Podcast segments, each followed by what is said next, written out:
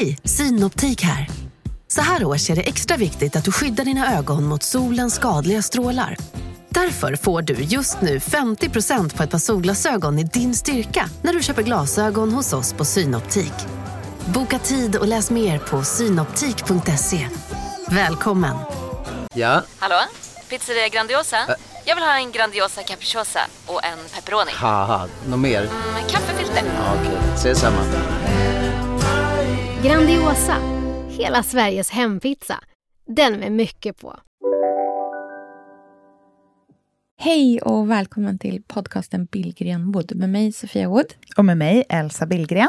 Mm, alltså det här är vår trendspaningspodd där vi pratar om allt från inredning, mode, konst, design, aktion och loppis, mat och skönhet. Allting som vi intresserar oss av och saker som vi tycker ser oss bubbla och hända runt omkring oss. Och ibland har vi lite mer personliga avsnitt också. Och nu är vi ju liksom mitt i sommaren och i klassiskt poddmaner så kör vi lite frågepodd. Så idag blir det fortsättning på alla de frågor som ni som lyssnar skickade in redan till förra veckan. Vi har så många liksom bra och roliga som vi vill prata om så vi fortsätter lite till. Älskar eh, frågor för att man hinner liksom beta av så många ämnen. Det är liksom ett helt liv som får plats i ett avsnitt. Det är väldigt skönt tycker jag. Ja, väldigt härligt. Ja, men välkomna allihopa!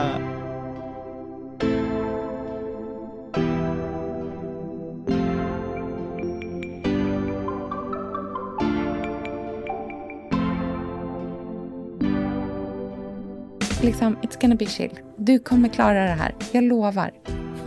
Jag kommer bara känna, good for you! Gud vad härligt för dig att du får göra det där. Gud vad trevligt. Tänk, Jag hade också velat vara med dig i det där härliga, eller liksom dela Ja, det. precis. Istället för att Exakt. känna missunnsamhet. någonting stort ligger liksom vid horisonten men Ja. man kan inte se vad det är.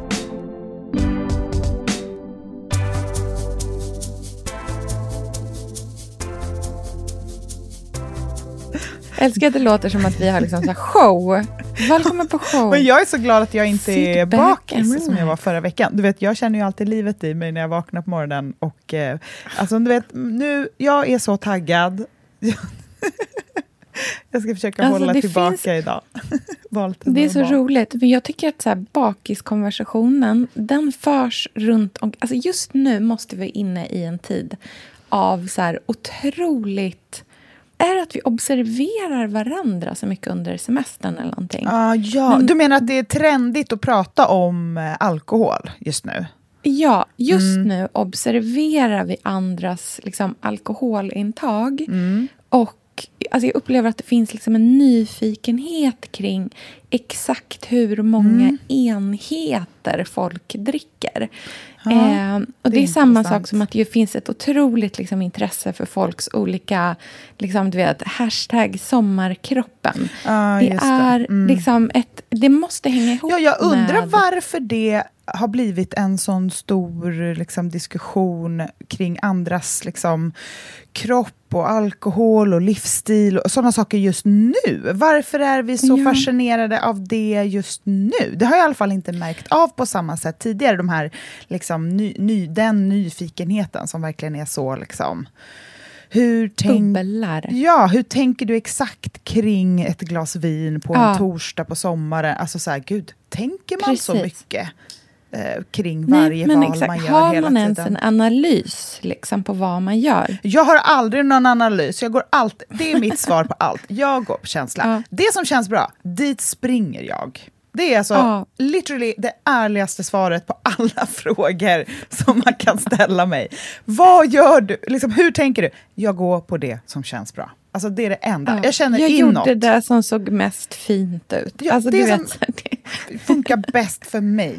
Det gör jag. Och det kan väl Ja. vara en ganska skön inställning att gå till sig själv med. Även om man, för jag tror att jag svarade så på en, en fråga på eh, bloggen också, just om alkohol. Så här. Hur tänker Mm. du? du vet, man är med barnen, det är så hej och hå, det är middagar, man ska vara borta, vem ska kunna köra? Och jag bara blev så här helt, det bara exploderade i mitt huvud med alla frågor. För att jag tänker jag, bara, alltså jag går på det som känns bra. Jag mår så Mm. dåligt av att vara bakfull. Och det gäller alltså, jag kan bli bakis på två glas vin om det slår slint. Mm. Alltså jag kan verkligen bli liksom, på dåligt humör i ett dygn efter det. Och det tycker mm. jag är så ovärt på två glas vin. Så att jag liksom ta det lite chill med alkoholen i år.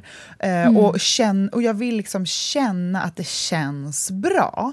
Eh, och det var mitt svar. Hon bara, ja, men om man är djupt... Eh, om man är missbrukare, då, skrev någon, då kan man ju inte gå på sin magkänsla. Men då kände jag så här, alltså, jag kan inte guida folk i missbruk. Alltså jag är, är, bara en simpel sommarlovs... Alltså så här, lyssna inte på mig, för jag lyssnar Nej. bara på mig angående mig när det kommer till saker som har med min liksom, kropp och intag och olika... Liksom, ja, jag kommer inte dricka som någon annan dricker, men jag kommer heller inte jämföra mig och bedöma mig, utan jag försöker verkligen så här, ja, men, gå på det som känns rätt. Och det kan vara så himla olika också. Alltså så här, I psyken, i vädret, mm. i psyket, mm. i, i mm. årstiden. Alltså det är så otroligt olika hela tiden tycker jag. Så man får typ känna in, tappa in på sig själv ganska mycket och ofta.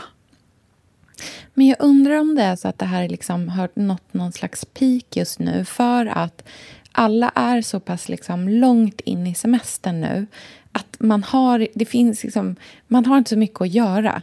Alltså ingen är distraherad av den där deadlinen eller allt det där jobbet som man ska ha gjort. Man, liksom, de liksom, projekten man hade har man ganska mycket rivit av. Man har hunnit att så här, måla det där sovrummet eh, plantera den där buskkrassen. Liksom. Mm. Eh, så att alla saker är gjort. Och nu är vi i den här tiden när man bara ska så här, liksom, skörda det man har sått, liksom, bildligt och bokstavligt talat. Och då blir det kanske också lite som att man bara, jaha, men eh, vad ska jag göra nu då? Och så bara, jag börjar titta på andra människor och börjar mm. undra och fundera och analysera. Jag, jag zoomar in nära på den där bilden. Jag, alltså, en av de frågorna som vi ska prata om senare, det är i liksom bland frågorna som har kommit in, handlar om det här med att att alla andras somrar ser så härliga ut. Hur mm. jämför man sig inte? Och Jag tror att vi liksom, just nu är vi i så här jämförelsekulmen mm. för att alla är så djupt nere i mm. icke-sysselsättning. Och du vet ja. hur man säger så här, idle hands are the devil's playground. Mm, alltså så här, det börjar hända de konstiga mm. grejer i huvudet på en när man är för lite liksom, busy. Ja. Jag, för mig det hårda, hårda, snabba svaret på det är ju att är man lycklig eller är man tillfreds, då jämför man sig inte. Och det Nej, är ju alltid så jobbigt att höra, för man mm. vill ju att det ska vara andras inom citationstecken fel. Alltså någon annans, mm. att det ligger på någon annan. För det är för jobbigt att behöva ta krafttaget att lösa det där i sig själv. Mm. Eller, men jag kan bara gå till mig själv och tänka så här, när jag mår som bäst, jag kan absolut konsumera massa bilder och inspiration, men då mm. känner jag att det ger mig saker. Alltså ja, det ger det mig inspiration. Nej, mm. det tar mm. inte. Det gör inte att jag har, får ångest eller känner stress. Eller så här. Men mår jag sämre, då kan jag nästan bli besatt av saker jag ser och också så här, närstudera, bli orolig, jämföra med mig, varför inte jag, hur, vad borde jag göra? Och så här, se bilderna som en stress mot mig. Um, så, mm. så tror jag att vi är många som funkar, bara att det är väldigt svårt när man befinner sig i den där lite sämre dippen, att se det klart, för det är för jobbigt. Ja. Det är när man mår bra och känner så här, jävlar vad jag inte jag är lite untouchable just nu. Alltså så här, folk kan mm. göra hur härliga saker som helst. Jag kommer bara känna, good for you! Gud vad härligt mm. för dig att du får göra det där. Gud vad trevligt. Jag hade också velat vara med dig i det där härliga, eller liksom dela ja, det. Precis. Istället Exakt. för att känna missunnsamhet. Men vi går in, ah, okay, vi tar den här frågan på direkten. ja, men då gör vi så. För, för nu är vi liksom ändå inne i det här snacket, mm. så då kan vi liksom, vi kör den. Ja. Nu ska jag bara liksom, du vet, live-översätta från norska ja, till perfekt. svenska. Mm, så att om det låter lite hackigt så förstår du. Det är egentligen också två frågor som jag slår ihop till en. Mm. Så här. Känner mig stack, 28 år. Hur upptäcker jag vad som är nästa steg i livet? Mm. Hur njuter jag av sommaren utan att jämföra mig med andra? 28 är en så Ah, speciell ålder. Verkligen. Alltså det händer så mycket. Ja, men och jag, kan, jag tror att jag, där jag var när jag var 28 inser jag inte är 100% så representativt för vart de flesta är när de är 28. För en av de liksom så frågorna som jag ofta får just om så nästa steg i livet den kommer så ofta från människor som skriver så här jag ska fylla 28 eller jag är 28. Alltså du vet, så här, det är som att det är liksom den första riktiga ålderskrisen. Liksom. Det är inte 30-årskrisen. För Nej. vid 30, det är en annan grej. Det handlar om liksom typ utseende och lite såna saker ofta upplever jag i den typen av frågor. Och 40, den är ju, ja, den är ju både du och jag snart på väg in i. Och se hur man Touching. hanterar den. Men just 28, det känns som att det är så, så här, att livet är i en så, så här dallrande liksom, plats där man står mellan liksom, två olika faser i livet men också att det så här, verkar som att det känns som att det är då man måste börja ta en massa beslut inför Verkligen. framtiden. När jag var 28 så var jag liksom nygift och hade fått mitt första barn. Ja, och det tror jag, Så alltså det är ju, så kan ju många ha det. Alltså det är väl, Ja. är inte 28 en Men så flesta- snittålder i Sverige på första barnet? Eller hur? Jag tror att det är så stor skillnad beroende på om man bor i en storstad Ja men eller precis, men jag tänker om man, bor tänker i en så här, hela stad. Sverige så tror jag att, Ja. alltså det här är väl säkert lätt googlat, men, men vad heter det, för oss i Stockholm så är det ju definitivt tidigt. Då är ju folk fortfarande så här, utbildar sig, jobbar, Mm. eh, karriärsfokuserade, har knappt typ ett eget bo, alltså det är så svårt har boende. knappt skaffat... Precis. Det är liksom Ehm. hela den... Och jag tror nog att liksom, den här känslan av att så här, känna sig stack, det måste inte vara... Alltså, så här, antingen är du 28 i en storstad eller så kanske du är yngre i en, i en mindre stad. Men då är det så också andra frågor som man ställer sig inför. För då kanske det handlar om så att bo kvar eller inte bo Ja. kvar. Vilken liksom, så väg, vilket typ av liksom, liv vill man välja att leva? När kanske tänker man att man ska gå in i den banan? Men där det liksom så symboliserar är ju verkligen den här känslan av att någonting stort ligger liksom vid horisonten, men man kan inte se vad det är. Jag tror att ett misstag man ofta gör när man är 28, det är att man jämför sig med sin närmsta krets. Alltså den, Ja. de man umgås med, den lilla klicken man typ är ute och festar med, eller de man jobbar med, ens bästisar, det är de man jämför sig med då. Ehm, och då är man ju också i en ganska liksom skör fas i så här, vem är jag? Jag var det i alla fall. Och det är lätt att istället för att så här, kanske gå till ett helt annat håll än de andra, för att man vill det och det passar ens personlighet, så är man Precis. väldigt så här, hård i att drilla sig själv till att vara typ bäst i det gänget, på det som det här gänget gör. Um, vilket lätt kan göra att man hamnar åt helt fel håll och sen kanske hamnar i en så här 30-årskris sen och behöver börja om igen. Um, om alla Ja, andra skaffar tror- barn och har sina killar så kanske man säger, ja men då ska jag vara ihop med den här killen som jag faktiskt inte är kär i, men jag vill ju ändå inte bli nysingel ensam när de andra, men det där kommer ju att bita den i rumpan sen senare.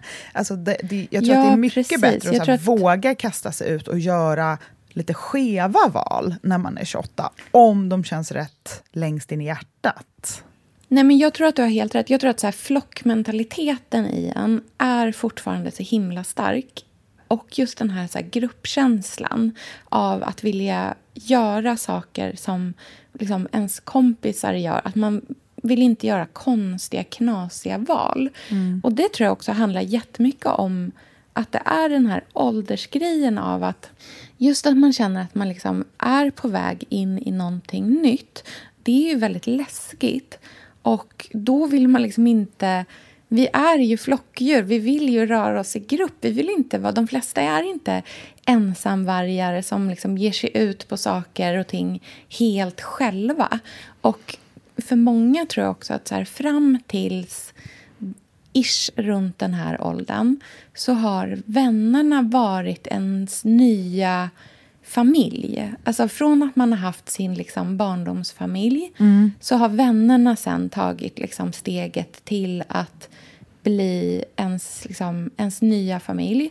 Och i skiftet mellan familjen och vännerna, då var det jätte... Det gjorde ont. Det är ju så hela tonårstiden när man ska så här frigöra sig från sina mm. föräldrar och liksom man bråkar mycket och, och, och det, liksom så här, det, det slits i en. Och sen så när man kommer in i det här nästa, liksom, den andra tonåren eller vad man ska säga då gör det ont på samma sätt också. För att då är det det här med liksom, men man bråkar inte så mycket med sina vänner för att ja, men de stannar ju inte kvar om man, skulle, om man skulle bete sig mot sin kompis som man betedde sig mot sin mamma när man var 15 då hade ju den vänskapen typ tagit slut. Mm. Liksom. Den är inte ovillkorlig på samma sätt. Nej. Så istället är det som att man liksom kanaliserar all den där liksom, obekvämheten typ mot sig själv istället. Och så får man en massa ångest. Mm. Så istället för att man kan skrika på någon och bara du är dum i huvudet så går man runt och känner sig själv mot sig själv och bara är jag dum i huvudet? Vad ska jag göra? Mm, är jag helt inkompetent? Alltså, du vet, det är så mycket kaos i en precis och det, Men det man kan tänka på som en liten tröst det är ju att sen när man kommer över 30 och 35 då är ju knasiga val som man gör för sin egen eller liksom sina närmast skull det som är absolut högst i rang. Så mm. efter flockmentaliteten kommer ju den här, så här jag är min egen människa-mentaliteten. Så att det är så dumt att man bara, bara gör som gruppen för att sen gör alla sin egen grej. Man bara, vänta, jag har inte övat på det här. Vem är jag? Vad mm. gillar jag? Vad har jag lust med? Jag har ingen aning. Jag har bara försökt att liksom vara, eh, passa in i den här flocken boken. Eh, så mm. det kan ju vara smart då vid 28 att man börjar testa. Det kan jag önska att jag gjorde mer. Alltså, när jag var 28 så var jag i och för sig på min så här peakfest. För att jag, mm. jag hade varit gift i fem år, vi skulle liksom börja testa, bli, försöka bli med barn nästa sommar bestämde vi. Och så här, men nu kör vi! Att det var verkligen så här maxa. Men jag kan tänka att så här, jag glömmer bort jag glömde bort mig och, och vad jag liksom ville, kände. Alltså jag hade kunnat göra så många olika saker då, så här, börja bana väg för en stor framtid. Men allting kommer mm. när det ska komma också. Och det är ju så många ja. som så här, sätter igång vuxenlivet men typ vid 40. Alltså det går att göra så himla... Alltså det finns så mycket tid. När man är 28, alltså man är så mm. ung, det finns så mycket tid, allting kan hända. Nej, men man är så ung. Jag tror så här, jag tror att man ska liksom inte alltid heller sträva för efter att man ska ha det är orimligt att sträva efter att alla tider i livet ska kännas liksom helt rätt. För det gör de inte. Eh, utan det är liksom typ i, så här, i, i backspegeln som man kan se mycket liksom för vad det faktiskt var. Jag tror att man ska försöka vara chill med att 28 är en tid där man liksom ifrågasätter mycket och där man så funderar på vad som ska komma. Men man kanske inte ska liksom räkna med att, de där ifrå att det där ifrågasättandet ska leda till jättemånga svar. Det kanske är en tid som ska vara lite knölig, som man ska acceptera som lite knölig på samma sätt som att vi accepterar typ tonåren som knölig. Mm. Och att man, så här, man tittar på 14-åringar med så här, mildhet i blicken och bara I see you. Fan, det där är så jävla jobbigt. Mm. Liksom, ju, ja, gör din grej. Liksom. Och kanske lite så att vi ska se på oss själva när vi är i sådana faser också. Bara, jag ser dig, mm.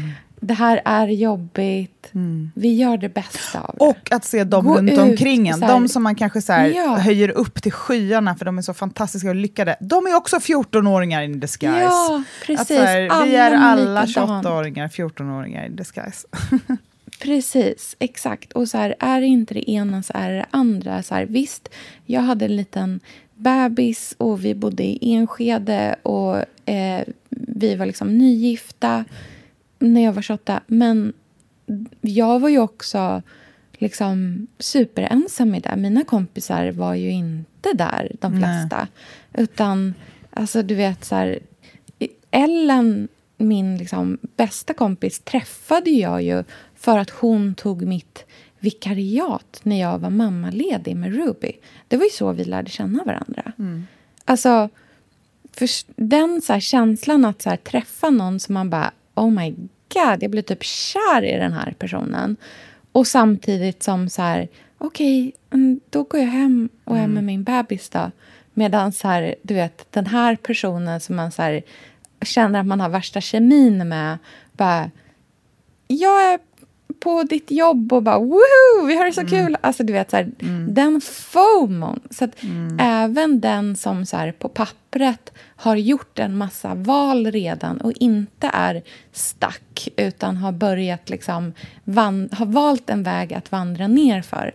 Även för den personen är det knöligt. Så det är knöligt för alla.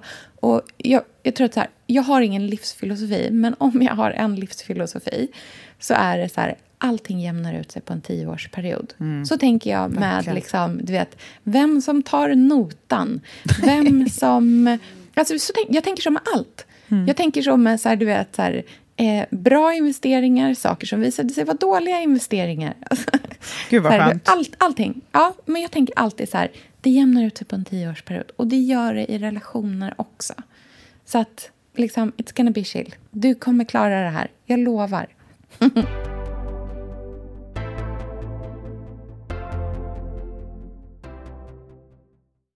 Elsa, vi är ju sponsrade av Bosch. Älskar. Älskar att vi båda nu har varsin serie 6 köksmaskin. Det har varit hembakt morgonbröd hela veckan. Det är det lyxigaste jag kan tänka mig. Är inte det en god barndom, så säg. Ja, alltså, om det här inte är idyllen. Mm. Men grejen är så här, jag vill ju ha alla de här sakerna. Jag mm. vill mm. ha nybakt, hembakt bröd på morgonen. Ja. Men just nu i mitt liv så är det mycket som får stryka på foten. För att jag har inte tid.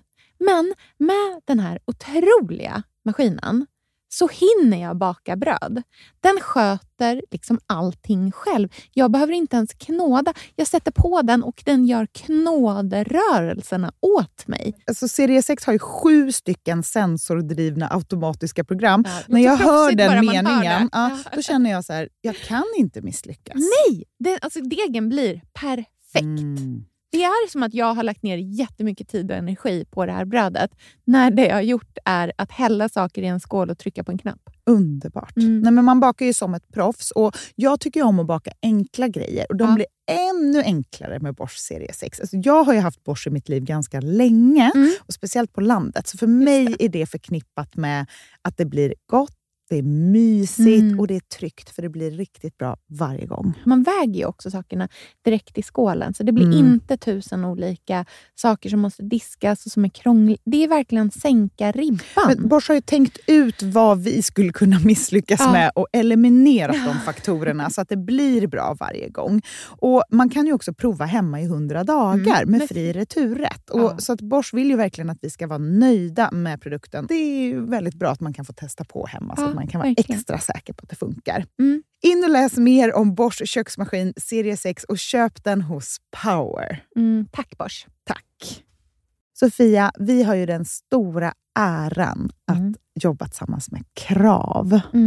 Mm. Det är så fantastiskt att de sponsrar den här podden, tycker jag. Mm, det, jag är så stolt över det. Jag är också väldigt, väldigt stolt. Mm. Kravmärkt mat, det är ju mat som produceras utan naturfrämmande bekämpningsmedel och mm. som bidrar till en biologisk mångfald. Mm. Och jag väljer ju Krav när jag handlar för att jag vet att det blir bra i varje led. Ja. Från jord mm. till bord. Mm. Det blir godare och det blir bättre för alla inblandade. Ja. Nu är det ju tiden för vårprimörerna. Mm. Nu börjar de allra första komma. Mm. Och när man köper kravmärkta vårprimörer, mm. då är det som att man får smaka på våren så som den ska smaka på riktigt. Oh. Den första kravmärkta svenska sparrisen. Det är en högtidsstund. Det är det. Och sparris som är kravmärkt, man ser det på primören. Den är grönare, den är knotigare, den har karaktär. Den är så god att äta rå.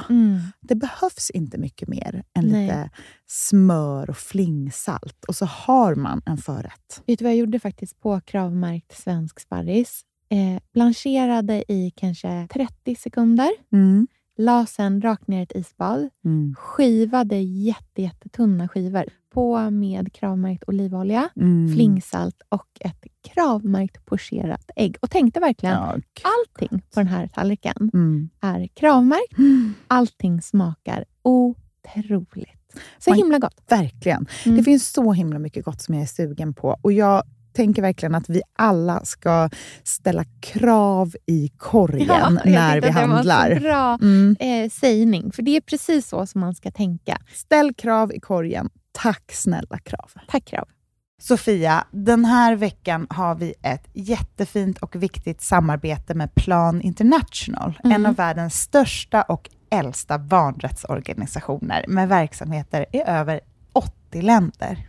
Mm. Och nu tänkte jag att jag ska berätta för alla, för dig och för alla som lyssnar här om eh, Asiato som är 15 år gammal och kommer från Sierra Leone. Den här berättelsen visar också hur vi kan göra skillnad för flickor faktiskt. För trots sin unga ålder så har Asiato redan upplevt väldigt mycket smärta. Hon har blivit utsatt för våldtäkter under hela sin barndom. Och eh, hon berättar att hon inte vågade säga någonting om de här övergreppen till någon. Och att hon därför inte hade någon runt sig som märkte något förrän hon blev gravid. 13 år gammal. Man är så liten när man är 13. Kan du tänka... Alltså jag, nej, jag, det är svårt att tänka sig att ett barn ska bli barn, mamma vid, i den Mm.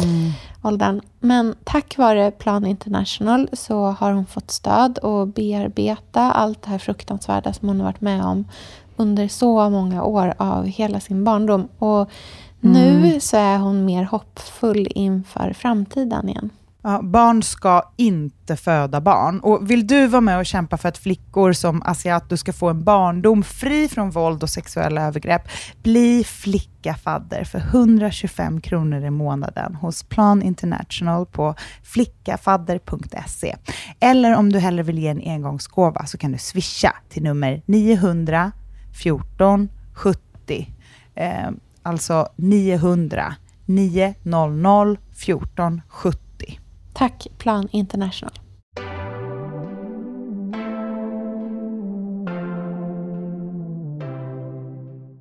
Ska vi ta nästa fråga? Ja, nu kommer det en eh, lite mer, liksom, en mindre filosofisk, mer Spännande. hands-onig. Mm. Det här är kul, för det här är jag exakt i just nu också.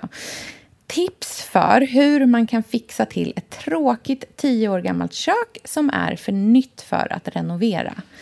Älskar den, eh, att det här är liksom någon slags grund eh, inställning Verkligen. numera. Att tio år gamla kök är för nya att renovera. Vi ska inte renovera tio år gamla kök. Nej, det har de vi ska ju ha nu. fallit samman, typ. Eller liksom... Ja. Mm.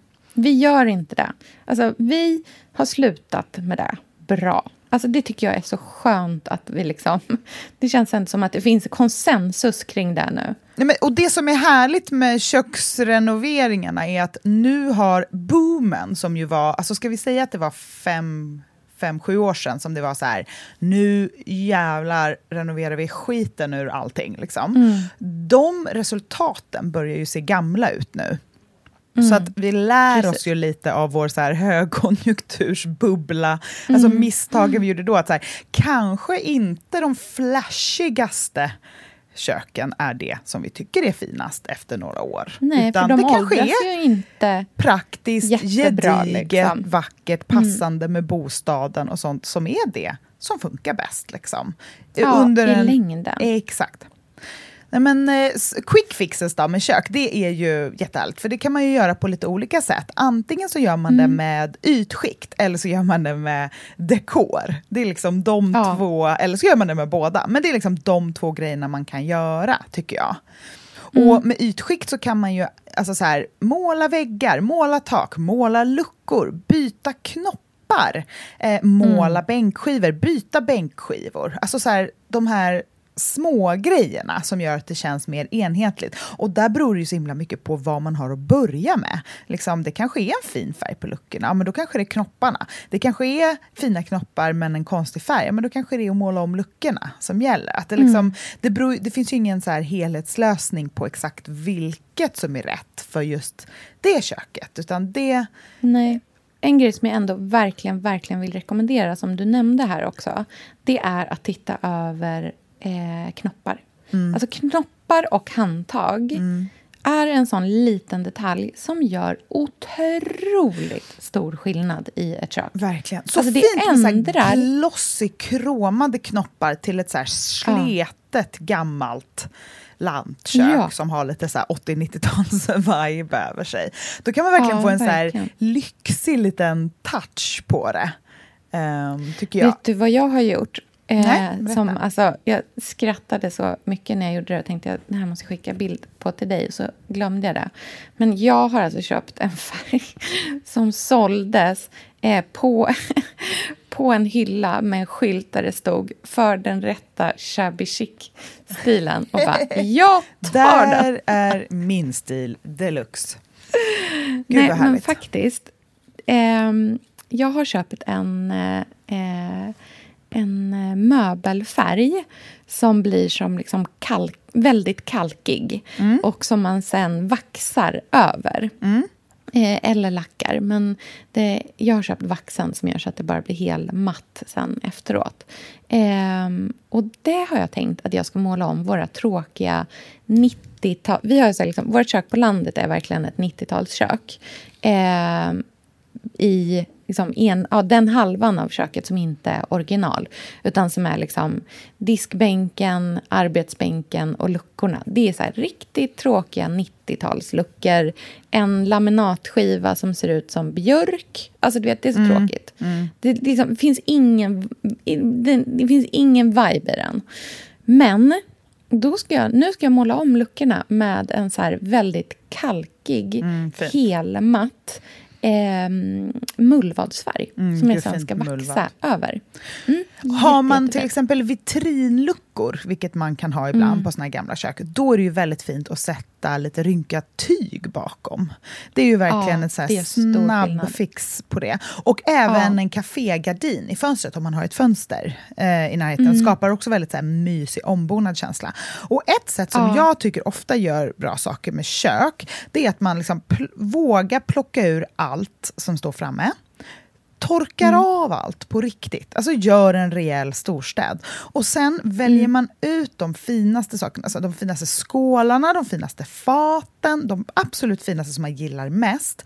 Och de har man framme på, eh, ja. liksom på diskbänken eller på matbordet och fyller också med så enhet. Om man ändå vill liksom toppa upp köket för en dag så är enhetlighet väldigt bra för ögat. Att så här, I en vit mm. skål har man bara röda lökar och i en träskål har man bara ägg. Och sen kan man bara ta fram en glas, äh, glasburk, en sån stor, och bara ta en riktigt stor grön kvist och bara ställa i. Så får man mm. den här känslan av liksom försiktig mjukhet över något som annars brukar vara ganska brokigt och liksom 4 000 små olika grejer framme som står och trängs i olika, liksom längs med väggarna och sådär. Sånt kan jag mm. tycka gör ganska mycket för att det ska kännas lite härligt. Verkligen. En grej som jag har insett att jag väldigt gärna vill ha i mina kök, som jag faktiskt verkligen använder när de är där just då också, det är högar med kokböcker. Mm. Alltså kokböcker hör hemma i köket. Verkligen. Det är där man liksom faktiskt använder dem och det är där man bläddrar i dem. För man sitter inte så ofta i soffan bredvid sin vanliga bokhylla och bara Nej. låt mig kika. Alltså det är inte sånt man gör i vardagen. Det är ju för man ska liksom researcha en specifik sak. Mm. Men att ha så en riktigt... Jag, igår hämtade jag ut en kokbok som jag beställt som jag bara Mm. Den är så fin. Alltså jag, jag känner mig så inspirerad av den. Det är en mm. John Pawson kokbok. Och jag bara så här, den ska ligga framme mm. på typ bordet. Ja.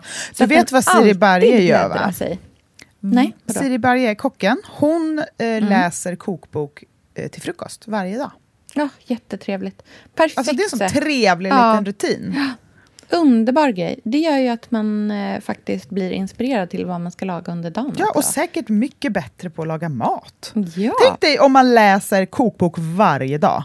Vad bra man blir på mat.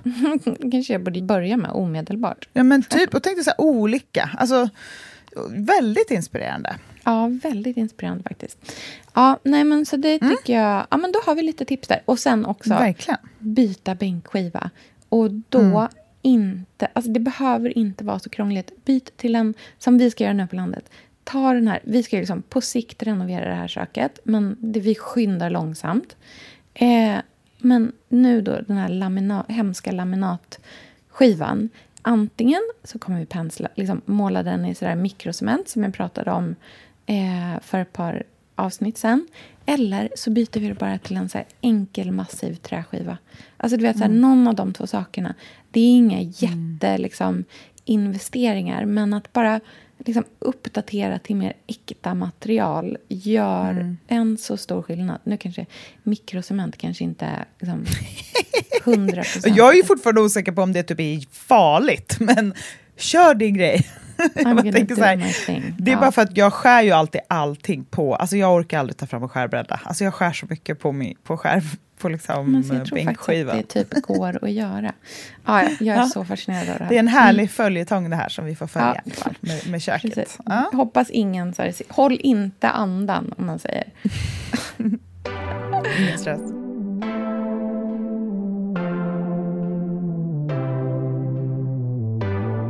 Nästa fråga.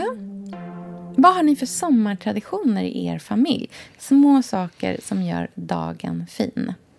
Mm, jag älskar sommartraditioner. Ja, alltså sommartraditioner är det. Det är, för att knyta tillbaka till första frågan, sommartraditioner är botemedlet för att jämföra sig med andra. Mm. Hittar man sina egna sommartraditioner så hittar man också sitt eget fokus som gör att man inte blir spretig i hjärnan och tar in liksom alla andras sommartraditioner till sin Precis. egen hjärna. Mm. Eh, vi har ju att vi varje morgon åker ner till stranden och dricker kaffe.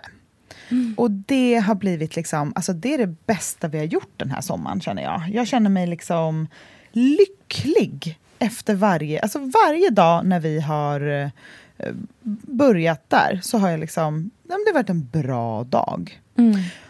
Och sen så har vi eh, köpt en skivspelare i år. Mm. En sån liksom vinylspelare.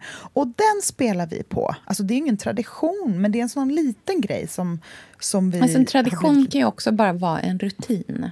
Ja, men precis. Alltså, vi spelar inte från Spotify på någon Nej. högtalare eller radio, utan vi lyssnar på skivor på den. Mm. Och det är så, alltså, på morgonen när man vaknar, man går upp och kissar, typ tar ett glas vatten, sätter på den. Att Mm. det är det där knastriga, liksom, Sara Klangs mjuka röst, och man öppnar ett fönster, att det är det första man hör. Jag Mm. tror att morgonritualer är viktigt för mig på Ja, sommaren. tror att det också det. liksom sätter standarden och också Mm. särskiljer sommaren från em, hösten och vintern när man är mer så här upp och sätta igång. Oj, det damp in ett mejl. Shit, jag är sen med det här. Vad är det för väder idag? Alltså man, man grundar sig inte på samma sätt. Jag gör Mm. inte det i alla fall. Nej. Och sen så har ju jag börjat med Tabata-pass. jag vet inte om det här är särskilt inspirerande. Folks absoluta mardröm kanske. Men för mig är det så härligt. Tio minuter Tabata varje dag i vardagsrummet. Mm. Alltså det är så härligt tycker jag. För jag blir svettig, jag blir liksom, jag kan göra det oavsett väder, jag känner mig liksom endorfinstinn. Eh, ja, väldigt, väldigt Underbart. härligt. Ja. Vi har, en, vi har en sommarrutin som eh, vi har utvecklat på landet som det är faktiskt Andreas som gör, men som jag Mm. skördar njutet av. Det är att varje kväll när vi liksom städar undan i köket och så här, vi återställer allt i köket så att det är liksom tipptopp. Alltså man liksom, det, det, är, Mm. rikt- det är fint innan vi går och lägger oss. Liksom. Mm. Ehm, verkligen så här, helt återställt. Men varje kväll då när han... Liksom, det, och det är ofta han som plockar undan eh, sista disken för att jag lagar. Och han eh, pratar alltid ja, ett par gånger om dagen med sin tvillingbrorsa. Men de pratar ofta på kvällen en gång. Liksom, Medan de, jag tror att de båda typ står och diskar när de snackar med varandra. Mm, mysigt. Ja, men det här är så här enäggstvilings life. Mm. Liksom. Mm. Ja. Men en av de grejerna som han alltid gör då är att han gör ordning eh, mockamasten inför nästa... Eh, inför, näst, alltså inför morgonkaffet. Så att han liksom preppar och fixar med liksom, du vet, så här, preppar kaffefiltret. Och sen så har vi två stycken... Vi har några nya koppar som vi köpte nu i somras som är... Alltså jag har aldrig haft så fina kaffekoppar i hela mitt liv. De är helt ljuvliga. Det är så här handdrejade utan något öra på. Utan man liksom bara håller i dem. Och de är ultratunna. Det är som att dricka kaffe ur ett snäckskal. Liksom. De, ja, de, är, ja, de är så goda att dricka kaffe ur. Och då ställer han fram två stycken såna framför liksom, kaffebryggaren Mm, också. Ja. Och det är en så här... Varje kväll liksom så här innan man, ja, men typ när man så här hämtar sista glaset vatten för att ta upp övervåningen och gå och lägga sig då så ser jag hur han har liksom så här gjort fint där. Och det är en sån det är en här lite gubbig grej. Nästan. Det känns typ som att hans pappa skulle kunna göra en sån sak. Men det är så jädra gulligt, tycker jag. Så att när man kommer upp på morgonen då är det bara att trycka på on-knappen så, liksom, så är allting preppat och klart. Och sen så dricker vi eh, det här kaffet liksom tillsammans på, ute på trappen. Eh, och våra barn är ganska morgontrötta eller liksom typ sköter sig själva ganska mycket på morgonen om Ruby är vaken. Så, eh, så att eh, om, vi drick, om Andreas inte ligger och sover utan att vi båda liksom är vakna då sitter vi där tillsammans och så liksom är knappt något barn med. Och annars är det bara jag och då kanske någon av tjejerna eh, kommer upp liksom också. Så får man sitta där själv en liten stund och, innan man går ut i trädgården. Det, jag älskar den lilla stunden verkligen. Och sen Mysigt. så går vi väldigt ofta kvällspromenad, hela familjen. Mm, med. Och det behöver inte vara några långa promenader alls, utan det är ju bara liksom en liten kortis. Men alltså jag känner mig så mallig när vi går Mm. kvällspromenad. För då känner jag så här, gud vad vi är mysiga. Som går här tillsammans och bara har det så härligt. Och jag tror att faktiskt en stor del av så här, vad rutiner är handlar om liksom, vad det gör med bilden av en själv.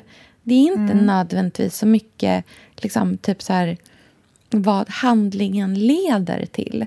Utan det är vad man får för känsla inför sin egna så här, typ enhet.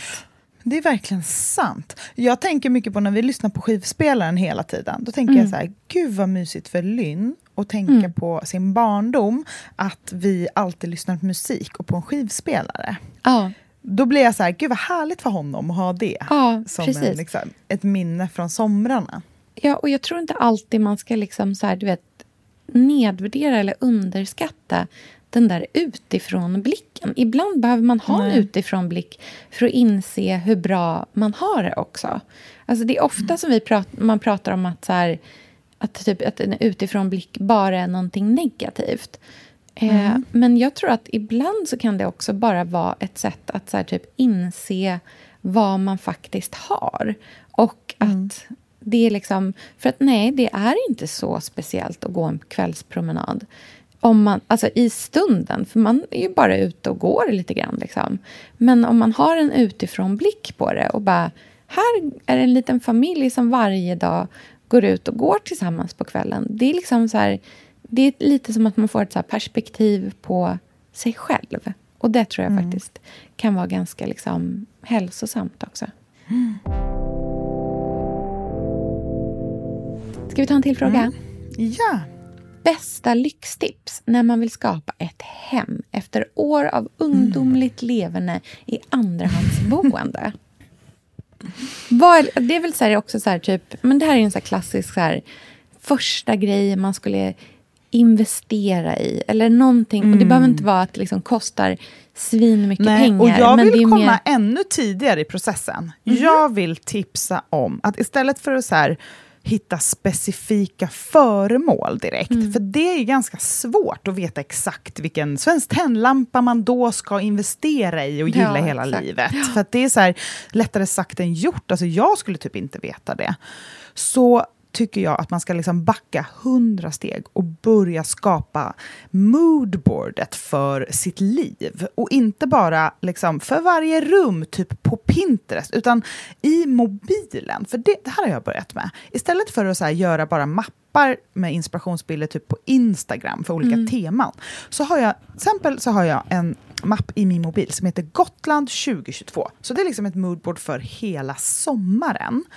Eh, och där i har jag sparat liksom de typ 20 bilderna som jag vill bära med mig mentalt. Och då är det inredning, det är mat, det är liksom detaljer, det är färger, det är några några kläder, det är någon liten detalj på någon gardin, det är liksom känsla. Det är framförallt känsla. Och då är det en mix på så screenshots och någon bild jag hittat där, någon bild jag tagit själv. Alltså det är en blandning.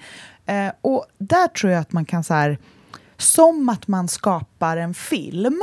Som att så här, om jag skulle göra en film om Gotland 2022, då skulle det här vara liksom mitt moodboard som jag skulle utgå ifrån innan jag skulle börja typ spela in. Och jag kan gilla att eh, alltså så här, det här påverkar inte egentligen mina val konkret. Det är inte som att jag ändrar någonting i mitt liv för att så här, jag måste passa in i min mapp. Alltså det finns ingen press, utan det är bara som att jag bär med mig en liten dagbok av drömmar som är bildmässig istället för i ord.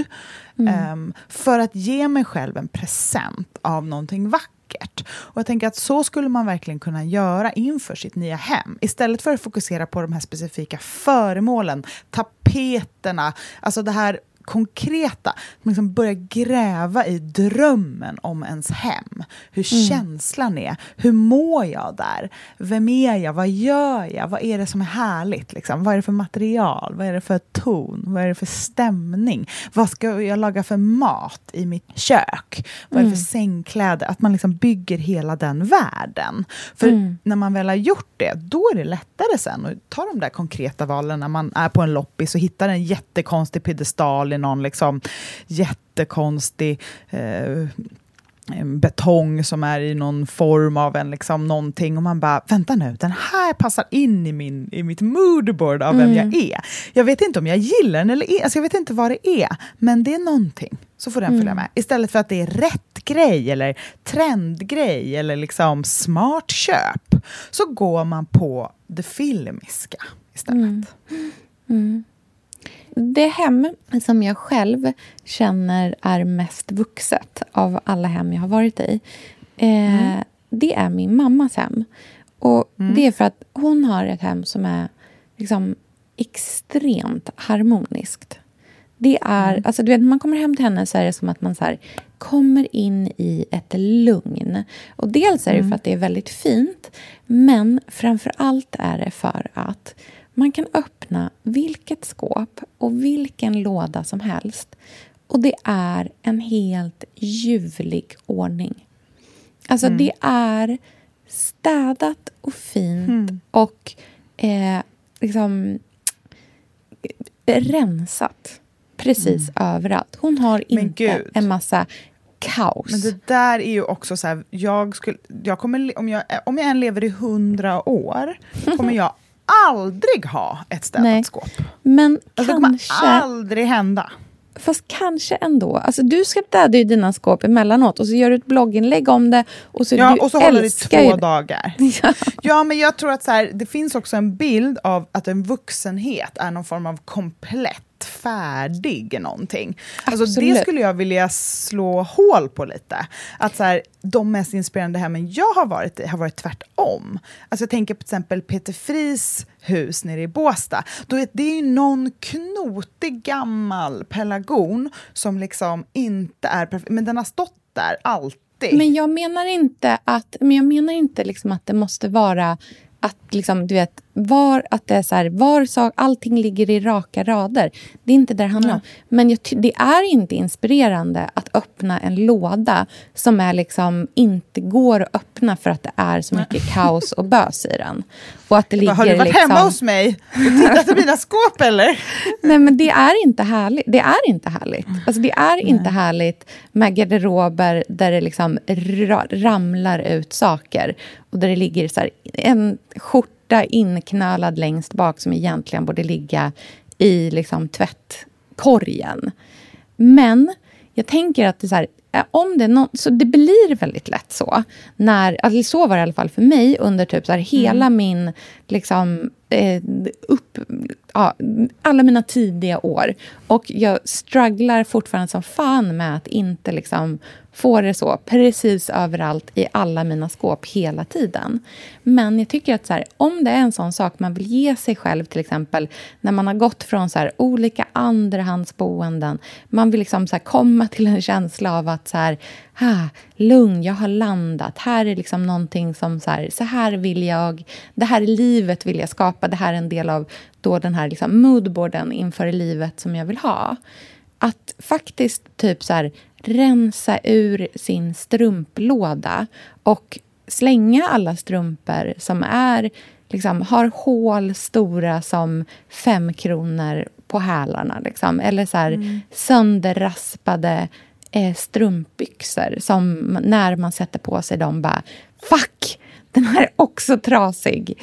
Alltså det är ju underbart att känna att man så bara kan liksom ta ett par strumpbyxor och så vet man att så här, nej, det är inga hål i de här. Det är inte liksom, masker och nopper. Utan det är, jag har redan jag har skött om med mina saker på något vis. Liksom. Och det tycker jag faktiskt också kan vara en, så här, en sak man kan ha som ett, i en del av en målbild i alla fall. I vad ett vuxet hem ska symbolisera. Sen behöver inte det vara liksom extrem ordning. Och om man till exempel tittar på min mammas hem så är det så här... Det är extre- hon har ju extrem ordning i sina skåp. Men om man tittar på hur det ser ut typ ute i rummet då är det ju knotigt och liksom olika saker och det är fårskinn överallt. Och det är de där liksom jättestora träden och allt möjligt vad det nu är inne. Men när det är ett sånt lugn att öppna en... Alltså typ att så här, gå in i hennes garderob och titta så här, där alla t-shirtar ligger vikta i likadana högar. Det är, alltså, det är fascinerande. Jag är inte där Du får själv. fråga din mamma om hur hon var när hon var tonåring. Ja, Om det här är något som kom med liksom jag tror vuxenheten väl- ja. eller om det fanns i henne. Liksom. Mm.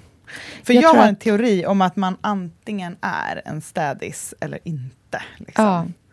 Att det är så här svårt att Att tvinga gr- in Ja. sig själv i Mm. en sån. Eller att det är i alla fall så här, eh, gjort för att misslyckas. Eller för jag kan känna mig ganska dålig när jag tänker på hur jag borde vara i liksom Alltså man skäms reda. ju ibland när man tänker på... Ja. Och du vet om att så här, buddhister säger att man aldrig kan vara lycklig om man inte vet vad man har i alla sina skåp. Och det handlar ju om att Mm. inte samla på sig en massa skit. Och att det inte är sakerna som ska äga Ja, jag skulle vilja titta in i buddhisters skåp. Alltså det där är sånt där man säger, säger jag bara. Alltså jag, ge mig ett buddhistskåp så ska jag visa. Eller så är du nu en Bara, person har, som jag går ska göra en i... sån här test under du vet, en, en liten handduk och bara, vad har jag tagit bort? Alltså de kommer inte ha någon koll. I don't buy it alltså. I don't buy Ja, it. det här, fast jag tycker också att nu hör jag en person som går i försvar. Exakt. Man kan också, till det som jag skrivit in, man är också vuxen även om man inte har stenhård koll på allting. Och Ja. ordning och reda. Absolut.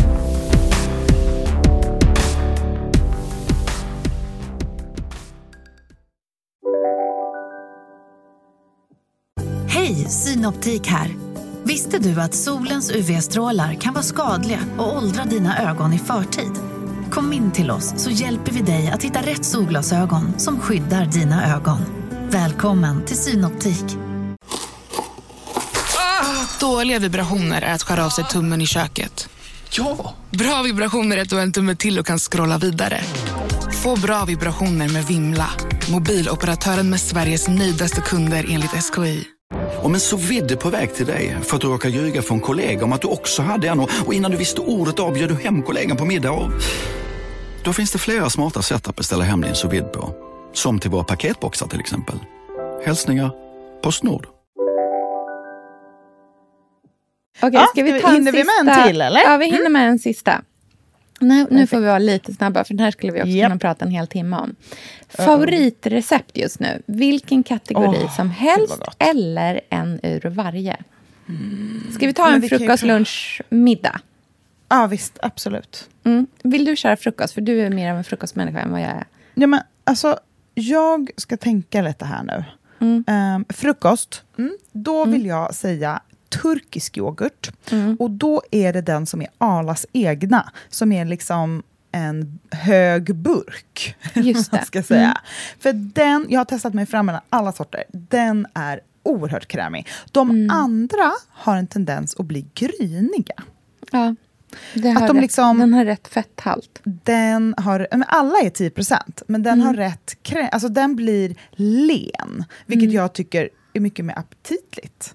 Mm. Så jag vet inte riktigt vad de gör, men den, den eh, vill jag i alla fall tipsa om. Och sen hemgjord granola. Alltså, Mm. Jag har ett recept med jordnötssmör och lönnsirap och nästan bara nötter och kokos. Som Mm. Väldigt är, nej men det är så gott. Man ska ha rejält med flingsalt och kanel också. Mm. Och, det, och sen så såg jag en bild på ett danskt eh, café som hade gjort så att de först klickade i yoghurten och sen hade de gjort någon kompott. Och jag brukar göra på blåbär, för att det tycker jag är så lätt att bara köpa frysta svenska ekologiska blåbär. Alltså det finns ju så himla mycket. Och bara liksom puttra ner det eh, i en kastrull. Alltså typ bara blåbär, alltså behövs inget mer. Och sen att man liksom klickar i det i yoghurten och gör en swirl. Mm, det är fint. Och sen på med granola. Och sen liksom klart. Det tycker jag Ja, det där låter så asgott. gott. Om man inte orkar eller hinner eller har lust att göra egen granola och har ganska mycket pengar till övers, för den här är dyr som satan. Den kostar typ en hundring för en, en påse. Mm. Men den är så god. Alltså det är den godaste köpegranolan jag har provat på så länge. Är det den just där om man- paleo? Ja. Chelsea? Urban ja. Delis Paleo. Ja, Urban Delis. Ehm. Jag brukar köpa Chelseas paleo. Den är otroligt Nej, god alltså också. Urban Deli gör en Ah, egen Mm, ska testa paleo granola som är typ bara nötter i liksom Mm. inte sönderhackade bitar utan det är så här hela Mm. mandlar, hela cashewnötter. Alltså, Mm. jag vet inte vad som är grejen med paleo. Jag kan liksom... Nej, jag det är väl vad det- ekologiskt och typ inte så mycket socker eller någonting. Jag- Vilket känns helt oklart. rimligt att det är godare. För att det Ja. smakar mer vad det är. Ja, Istället för jag massa tillsatser. Men det är så... Det är... Ja, ja, I don't know what's, liksom, vad som är grejen Mm. Ja, med den här gott. granolan. Men den är mycket, mycket god. Så känner man att man har en hunka som man inte vet hur man ska spendera den. Köp en påse. Jag använder ju granola som snacks. Alltså jag snacksar Ja. Mm. ju otroliga mängder på sommaren. Just för att jag tycker, alltså så här, när det är riktigt Man varmt har jag i alla fall svårt.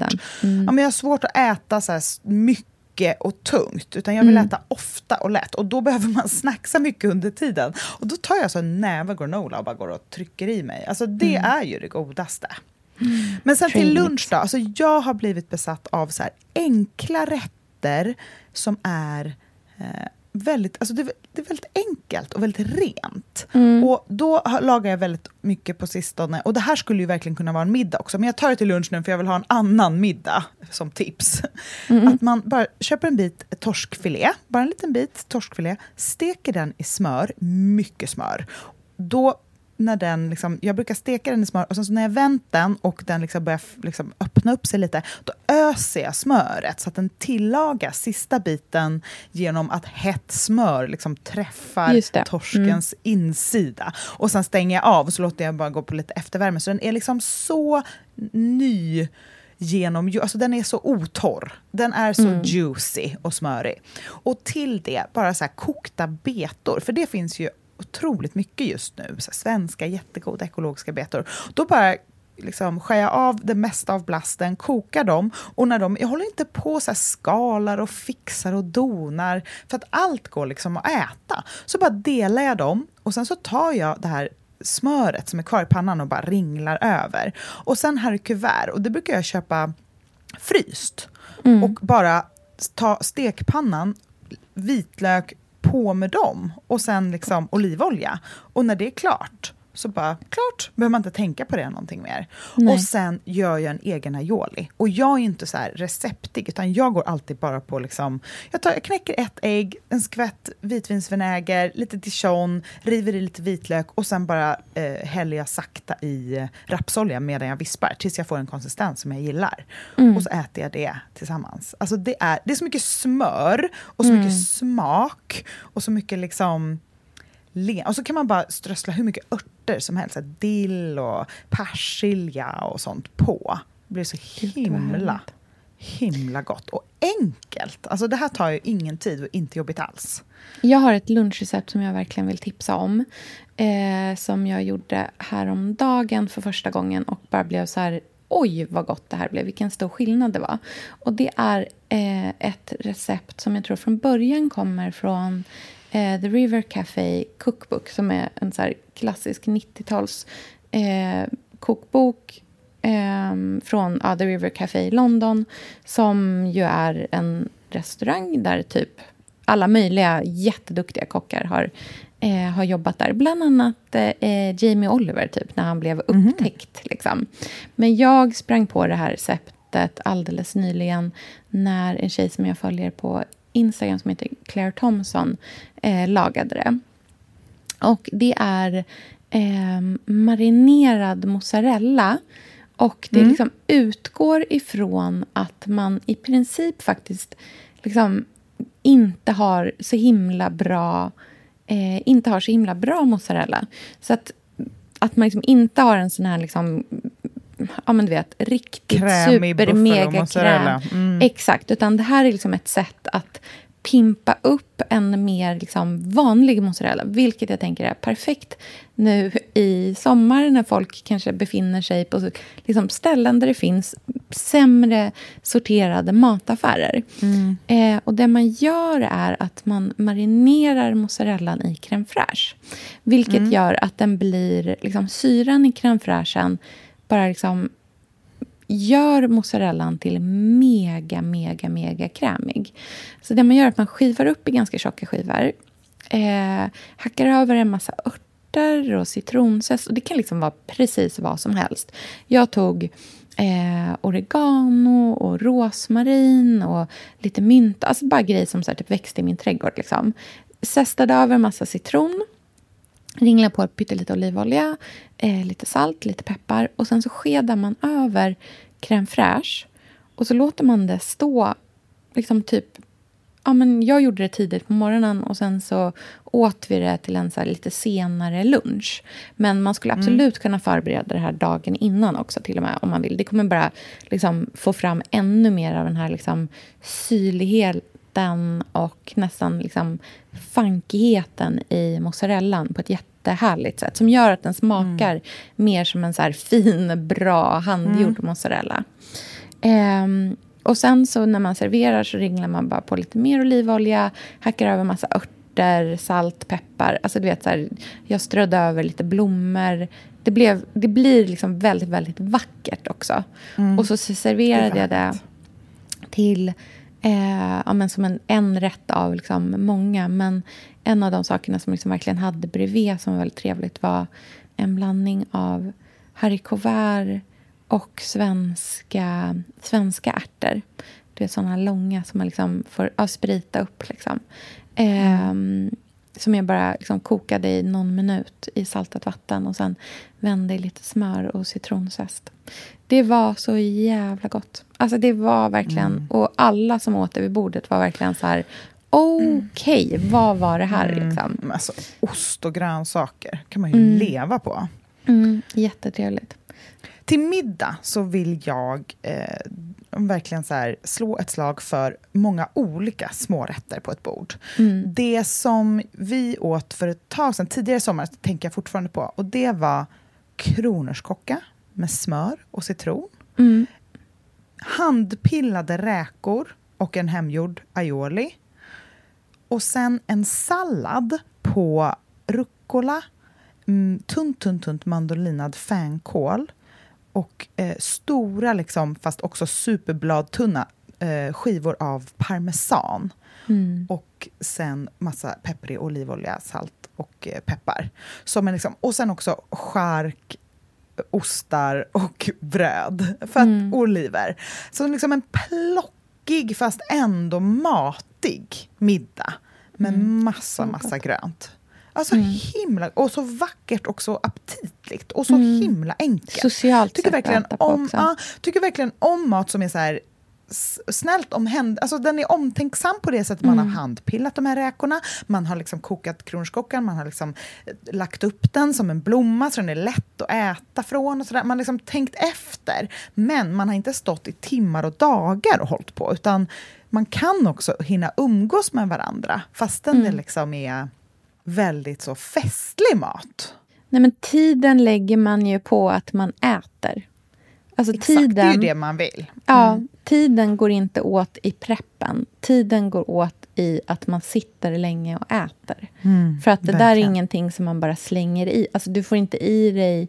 Det tar tid. Alltså det kommer ta tid tills du har ätit så pass mycket så att du är mätt. För du kommer sitta Verkligen. och liksom snicksnacka och pilla och ta lite till. Och, alltså så här, kronärtskockar tar tid att äta. Det är inte som att så här, slänga i sig en, eh, liksom, en potatis, utan det tar längre tid bara. Och det är ju en liten, liten lyx som man faktiskt har nu när man är ledig, som man verkligen borde utnyttja så mycket som det bara går.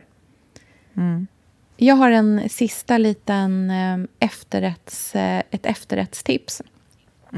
Som jag tycker är så mysigt. Och som är så här också bara liksom känns väldigt somrigt och är väldigt, väldigt enkelt. Det är att ha degen till småkakor i kylan. Alltså vanlig bara sån liksom smör, mjöl, lite vaniljsocker. Mördeg. Ja, vanlig mördeg. Ha det i kylan. Och sen så precis liksom innan man ska... Kanske när man liksom... När de andra plockar undan. När man så här, du vet, man plockar undan och så kanske man sätter på kaffe och så fixar man donar lite. Samtidigt som liksom de andra gör det, då tar man fram sin lilla deg, bara rullar ett par bollar i samma...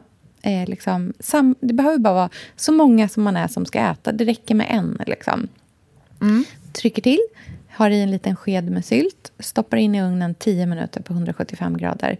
Till kaffet får man en varm nybakt syltkaka. Alltså, det är så trevligt och ska inte underskattas hur gott det är med en, liksom, en fortfarande lite, lite ugnsvarm eh, kaka. Alltså, det är så gott.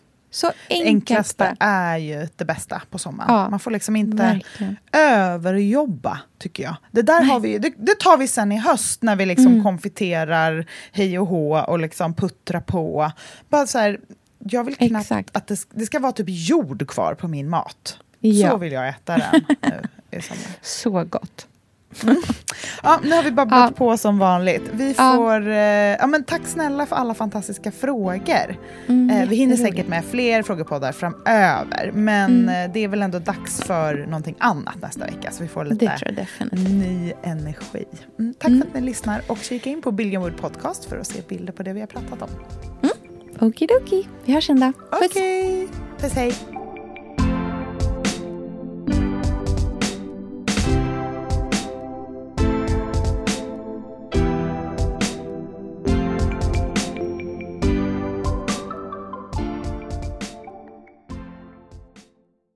Här podcasten är producerad av Perfect Day Media.